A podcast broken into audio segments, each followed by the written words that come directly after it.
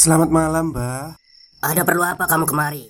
Eh, saya pengen punya podcast, Mbak. Biar pacar saya makin cinta sama saya. Loh, loh, loh. Mau bikin podcast kok tanya dukun? Sekarang kamu download aplikasi Anchor.fm. Di situ kamu bisa buat podcast gratis dan podcast kamu bisa didistribusikan ke platform mana pun. Dan di aplikasi atau website Anchor.fm juga terdapat fitur-fitur yang memudahkan kamu untuk membuat podcast. Oh, gitu ya, Mbak. Kalau gitu, saya boleh minta password wifi-nya, Mbak. Buat apa? Buat download Anchor.fm, Mbak.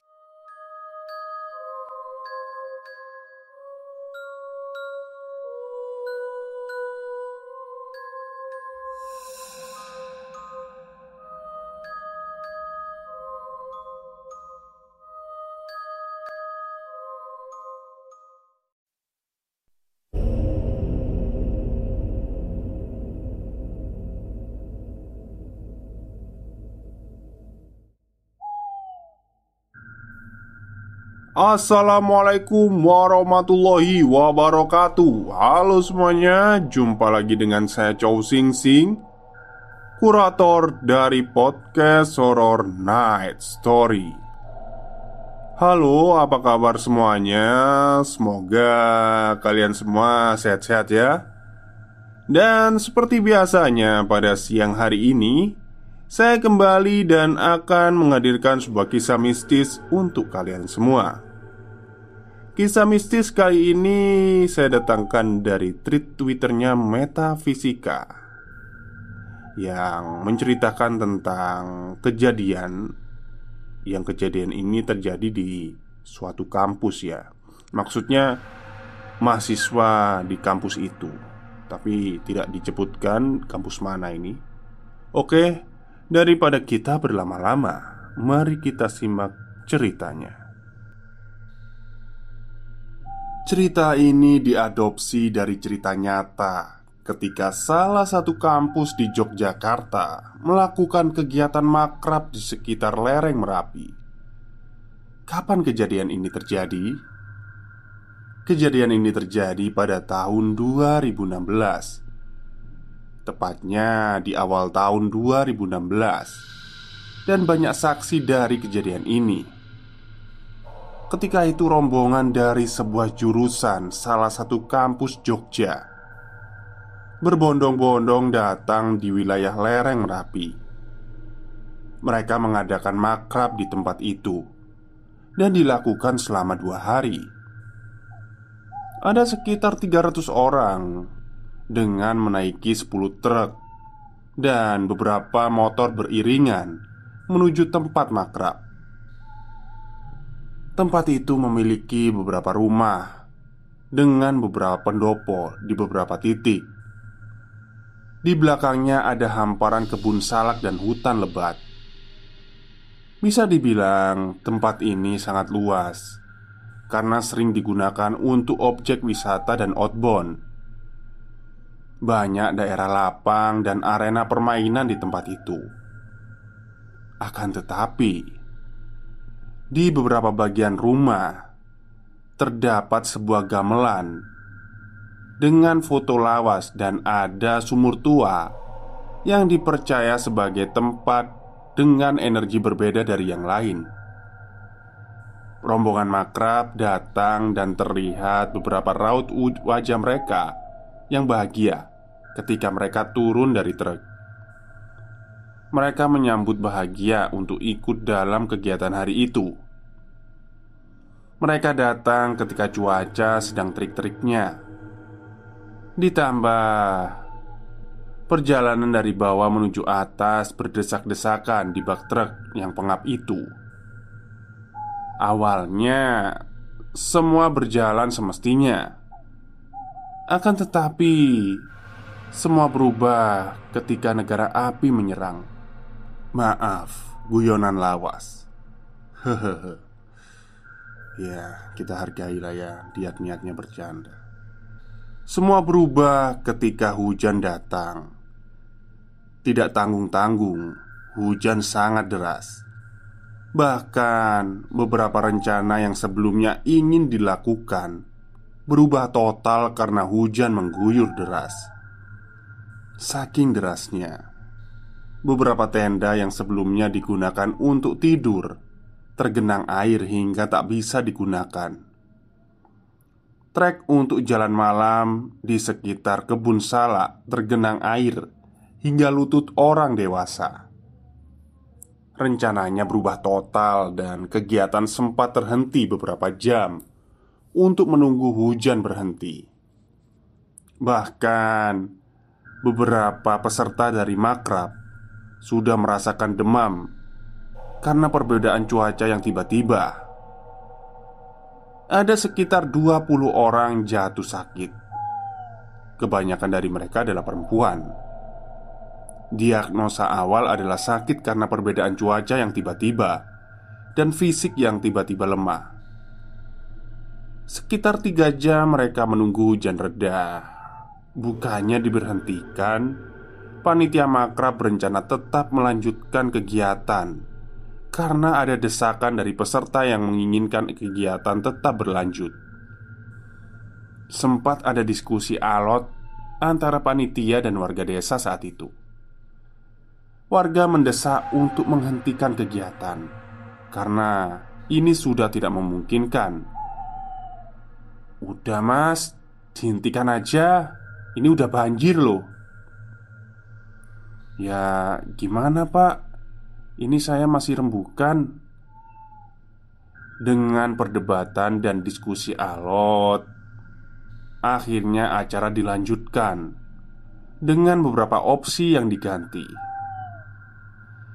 Yaitu jalur trek yang diganti dengan jalur yang lebih pendek Dan tidak melewati kebun salak. Semua tidak berjalan semestinya. Korban jatuh sakit semakin banyak. Banyak dari peserta makrab tiba-tiba jatuh pingsan. Bahkan tidak hanya perempuan, beberapa laki-laki pun banyak yang jatuh pingsan. Banyak lalu lalang motor dan mobil yang mengangkut orang sakit menuju puskesmas terdekat. Beberapa rumah warga digunakan sebagai posko darurat karena tempat udah overload. Ada sekitar 50 orang jatuh sakit pada waktu itu. Bahkan warga juga membantu mengevakuasi peserta makrab yang sakit maupun jatuh pingsan. Suasana sudah tidak bisa terkontrol. Tidak hanya sakit, ada sekitar 10 orang yang mengalami kesurupan di waktu yang sama satu persatu dikeluarkan oleh warga yang punya kemampuan spiritual. Karena terlalu banyak, warga mendatangkan orang dari tetangga desa untuk membantu mengeluarkan jin dari para peserta yang mengalami kerasukan. Satu persatu dikeluarkan dan dinetralisir oleh warga yang ahli spiritual. Akan tetapi, ada satu jin di salah satu seorang perempuan yang tidak mau untuk dikeluarkan. Terjadi peperangan sengit sampai-sampai perempuan itu mengambil sebilah pisau. Pisau itu bertujuan untuk membunuh salah seorang warga yang ingin mengeluarkan sosok perempuan itu. Namun, hal itu tidak pernah terjadi. Beberapa orang segera memegangi si perempuan itu. Sekitar empat orang warga memegang si perempuan untuk menahan sebelah pisau tersebut. Malam itu suasana sangat riuh. Lalu, kepanikan dan kecemasan terlihat dari wajah para panitia maupun peserta makrab. Dengan perlahan, suasana sudah mulai terkontrol. Walaupun korban sakit selalu bertambah hingga pagi tiba, tapi sudah berkurang jumlahnya. Walaupun terdapat dua orang yang masih yang sampai masuk ke UGD karena gejala penyakit yang cukup parah. Singkat cerita, satu minggu setelah makrab tersebut, kejadian malam itu menjadi buah bibir seantero kampus Apalagi si perempuan yang menggunakan sebilah pisau tadi bukan menjadi sebuah ketakutan, tapi malah jadi sebuah candaan. candaan itu menjadi sebuah cambuk. Ketika suatu sore, sekumpulan mahasiswa yang sedang mengadakan rapat di aula besar. Di antara kumpulan mahasiswa, tiga di antaranya adalah korban kesurupan di makrab malam itu. Pada saat mendekati maghrib, tiba-tiba empat orang mengalami kerasukan. Dua dari korban makrab dan merambat dua yang lain adalah new customer kesurupan. Datanglah dua orang dari satpam dan salah seorang senior mahasiswa yang datang untuk menyembuhkan empat orang tersebut. Satu berhasil dinetralisir, akan tetapi dua lainnya tidak bisa dinetralisir waktu itu. Akhirnya, Dua orang tersebut dibawa ke sebuah kos dekat kampus agar tidak terganggu sosok yang ada di sekitarnya. Penetralisir cukup memakan waktu lama hingga didatangkan seorang ustadz untuk menyembuhkan. Alhasil, tidak ada hasilnya. Sosok yang ada di tubuh kedua orang yang keduanya perempuan itu belum benar-benar hilang dari tubuhnya. Setiap hari kambuh Teriakan dan jeritan setiap malam terdengar Bahkan Kos itu dijaga oleh beberapa orang untuk mengontrol ketika kambuh Banyak didatangkan ahli dalam perkiosian. Akan tetapi Tidak ada perkembangan yang signifikan. Bukannya sembuh Kesurupan menjalar kedua orang lainnya. Dan setiap malam di jam-jam tertentu Selalu kambuh dengan jeritan khas masing-masing Setiap malam orang-orang mencoba berjaga siang hingga malam hari. Bahkan terbagi di beberapa titik karena empat orang ini Menghuni kos yang berbeda dengan jarak yang cukup jauh. Tidak hanya satu dua hari. Akan tetapi kejadian ini berlangsung hingga satu bulan lamanya. Sepertinya Sudah hilang akal Akan diapakan lagi orang-orang ini? Tiba-tiba muncullah seorang ahli spiritual Yang mencoba mencari tahu penyebab semua ini terjadi. Ditariklah sosok dari tempat makrab Dan terjadilah sebuah komunikasi. Yang intinya adalah semua ini terjadi karena ada sebuah batu yang ditarik dari tempat makrab. Sosok itu meminta batu itu dikembalikan ke tempat semula dan menuntut apabila tidak dikembalikan akan terjadi kejadian yang lebih besar lagi. Bahkan, sosok itu menyebutkan ciri-ciri orang yang mengambil batu itu tidak tahu itu hanyalah siasat sosok apakah memang benar Ciri-ciri orang yang sebenarnya Di sinilah orang-orang mulai mencari ciri-ciri yang sesuai dengan yang disebutkan sosok tersebut. Semua orang mencoba mencocokkan dan mencari dengan seksama. Di sisi lain, para korban kesurupan masih bertahan Untuk melawan sosok yang mengganggu di setiap malamnya. Dua orang sudah mulai sembuh, akan tetapi dua orang yang lain malah bertambah parah, bahkan sering kehilangan kesadaran. Ada satu momen di mana salah seorang mengalami astral projection. Dia ditarik ke sebuah tempat dengan background tempat makrab dan diperlihatkan sebuah batu yang menjadi sebuah titik energi. Dia menuturkan bahwa sosok yang ada di sana marah karena batu diambil paksa oleh seseorang. Di sinilah ia bisa melihat orang yang mengambil adalah salah seorang peserta makrab. Mulai banyak asumsi yang beredar di mana orang-orang mulai mencari orang tersebut, tapi tidak berani menanyakan sebuah batu yang dimaksudkan karena takut akan terjadi fitnah. Mereka berpikir itu hanyalah siasat sosok gaib itu. Namun, yang namanya cangkem itu lamis. Cangkem itu mulut ya. Mulut lamis itu apa sih? Ember gitu ya. Yang namanya cangkem lamis.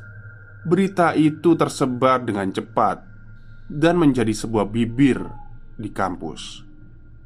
Dan akhirnya terdengar oleh orang yang dimaksudkan pengambil batu itu. Akhirnya orang itu berinisiatif bertemu oleh ahli spiritual dan bertanya, "Apakah benar dia yang mengambil batu itu?" Karena dia merasa tidak pernah mengambil apa pun ketika malam di mana makrab berlangsung. Para ahli spiritual pun malah mengiyakan, dialah yang mengambil, tetapi tanpa sengaja ikut dengan dirinya, karena batu itu bukan sembarang batu akan tetapi batu dari alam lain yang menjadi pusat energi di sana. Memang rumit untuk dijelaskan.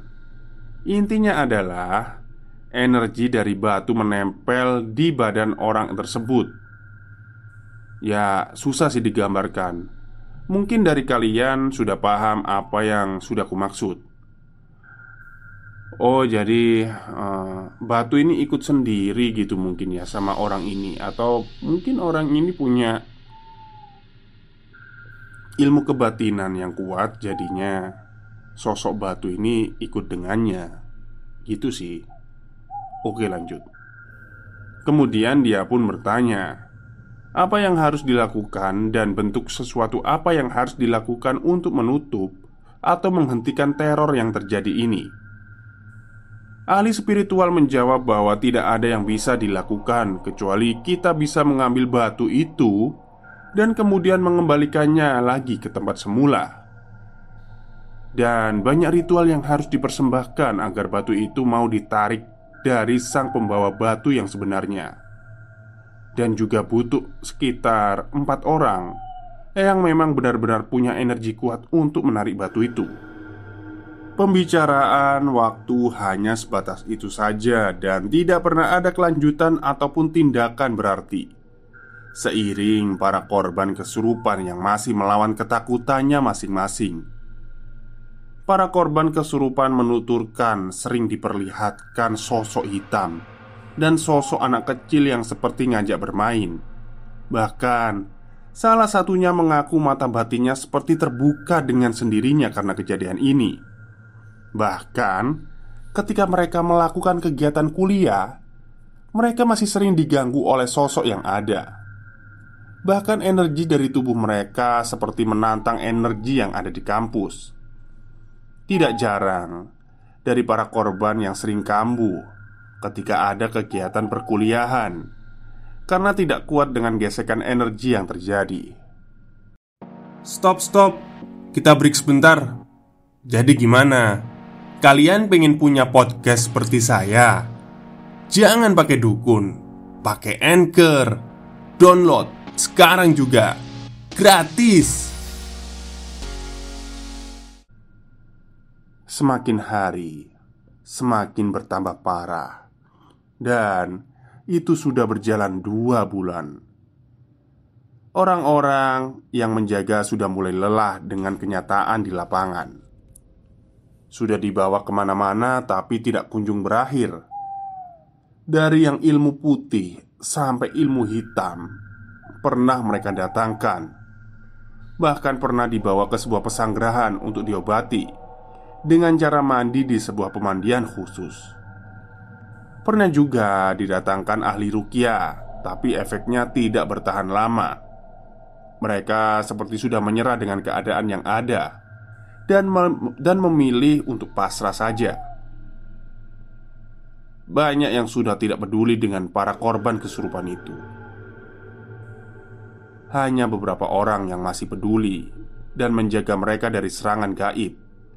Karena semakin parah, mereka ditempatkan di sebuah rumah yang rumah itu kemudian dijadikan base camp untuk para korban ataupun korban baru ketika memang bertambah sewaktu-waktu. Dan benar saja, suatu hari ada salah satu perempuan yang mengalami kerasukan, dan sosok yang merasuki adalah para penjaga batu yang berasal dari utara. Ada lima sosok yang masuk, dan semua sosok itu berperawakan tinggi besar dan punya energi yang besar pula. Bisa dibilang, sosok itu adalah sosok para pengawal salah satu kerajaan gaib yang ada di sisi utara. Dibawalah ke base camp, dan sempat terjadi pertarungan energi yang sengit dengan ahli spiritual. Walaupun begitu, tetap diadakan musyawarah mufakat untuk mendapatkan win-win solution agar semua bisa seperti semula. Akhirnya, didapatlah sebuah solusi di mana akan digantikan sebuah batu lain sebagai ganti batu yang diambil, dan kekuatan batu itu ha harus sama persis dan energinya juga sama dengan batu yang diambil sebelumnya. Dengan cerdiknya, salah seorang ahli spiritual mengambil batu kali dan kemudian dimanifest dimanifestasikan ke dalam bentuk energi gaib. Anehnya, makhluk itu mengiyakan dan segera pergi dari dalam tubuh orang itu. Memang agak aneh dan tidak masuk akal, akan tetapi sosok yang ada di tubuh orang itu benar-benar hilang. Akan tetapi, tidak berpengaruh pada dua orang yang sebelumnya menjadi korban. Mereka tetap mengalami gangguan, namun gangguan semakin hari semakin hilang, walaupun masih sering mengalami gesekan energi di mana pun berada. Berjalannya waktu beriringan dengan kekuatan individu yang semakin bertambah dan gangguan yang semakin menipis. Mereka merasa seperti sudah terbiasa dengan gangguan-gangguan yang ada hanya pada momen-momen tertentu saja mereka akan meminta bantuan dari ahli spiritual ketika energi yang datang terlalu kuat. Uniknya, dua orang ini seperti mendapatkan sesuatu yang sebelumnya tidak terfikirkan. Mereka menjadi indihum, indigo sepenuhnya. Walaupun salah salah dari dua orang, salah satu dari dua orang mereka ya mungkin ya Salah dua dari mereka memang sebelumnya punya tanda-tanda indigo. Kemampuan indigo itu seperti diasah tanpa sengaja dan terbentuk secara alami dengan benturan-benturan yang terjadi. Walaupun pernah terjadi astral projection di mana salah satu seorang peserta dibawa ke daerah Gunung Kawi, Dua orang ini memang sering menjadi langganan kesurupan. Bahkan, orang-orang sudah terbiasa apabila ada berita dua orang ini mengalami kesurupan. Empat tahun sudah berlalu, dan bulan lalu Mimin bertemu dengan salah satu korban. Dia bercerita saat ini kemampuan indigo sudah semakin hilang hanya sesekali dia merasakan kedatangan sosok gaib. Dan itu pun hanya di momen tertentu saja Ketika sedang dalam fase terendah. Dan untuk masalah batu yang diambil Ternyata Suatu ketika Seorang senior dari para korban datang langsung ke tempat kejadian Dan berkomunikasi dengan sosok yang ada di sana Melalui warga sebagai juru kunci tempat itu Cerita sebenarnya adalah ada seseorang yang bukan dari bagian makrab. Oh, dia itu nggak ikut makrab mungkin ya. Jadi ada seseorang yang bukan bagian dari makrab mencoba mengambil batu yang ada di sana dan momen itu bertepatan dengan kegiatan makrab sehingga menyebabkan pantulan energi menyambar peserta makrab yang sedang berada di tempat itu. Dan batu itu tidak pernah di, benar-benar diambil sepenuhnya karena tidak hanya ada satu batu, tetapi ada tiga batu yang saling mengisi satu sama lain. Sosok yang selama ini mengganggu hanya ingin balas dendam karena merasa terganggu, walaupun sebenarnya salah sasaran. Sosok-sosok yang ada sebenarnya tidak benar-benar ingin mendapatkan batu itu kembali. Dan kenapa banyak kesaksian ahli spiritual yang berbeda? Karena pada waktu itu sangat banyak ahli spiritual yang terlibat. Tidak satu sampai dua orang, bahkan enam Di treat ini memang tidak bisa Mimin ceritakan semuanya karena ada sebuah batasan dari orang-orang yang terlibat di dalamnya Dan cerita ini mungkin familiar di beberapa kalangan mahasiswa kampus tersebut Terima kasih Oke, itulah cerita dari uh, metafisika ya, tweet twitternya metafisika tentang batu pembawa petaka. Jadi saya kira itu apa ya? Batu itu kayak mungkin sebagai ini ya di tempat alam goibnya itu kayak pusat pusat dari energi. Nah, kayak Ka'bah gitu mungkin ya. Ka'bah kan kayak pusat energi dari bumi gitu. Ya sama kayak batu itu mungkin.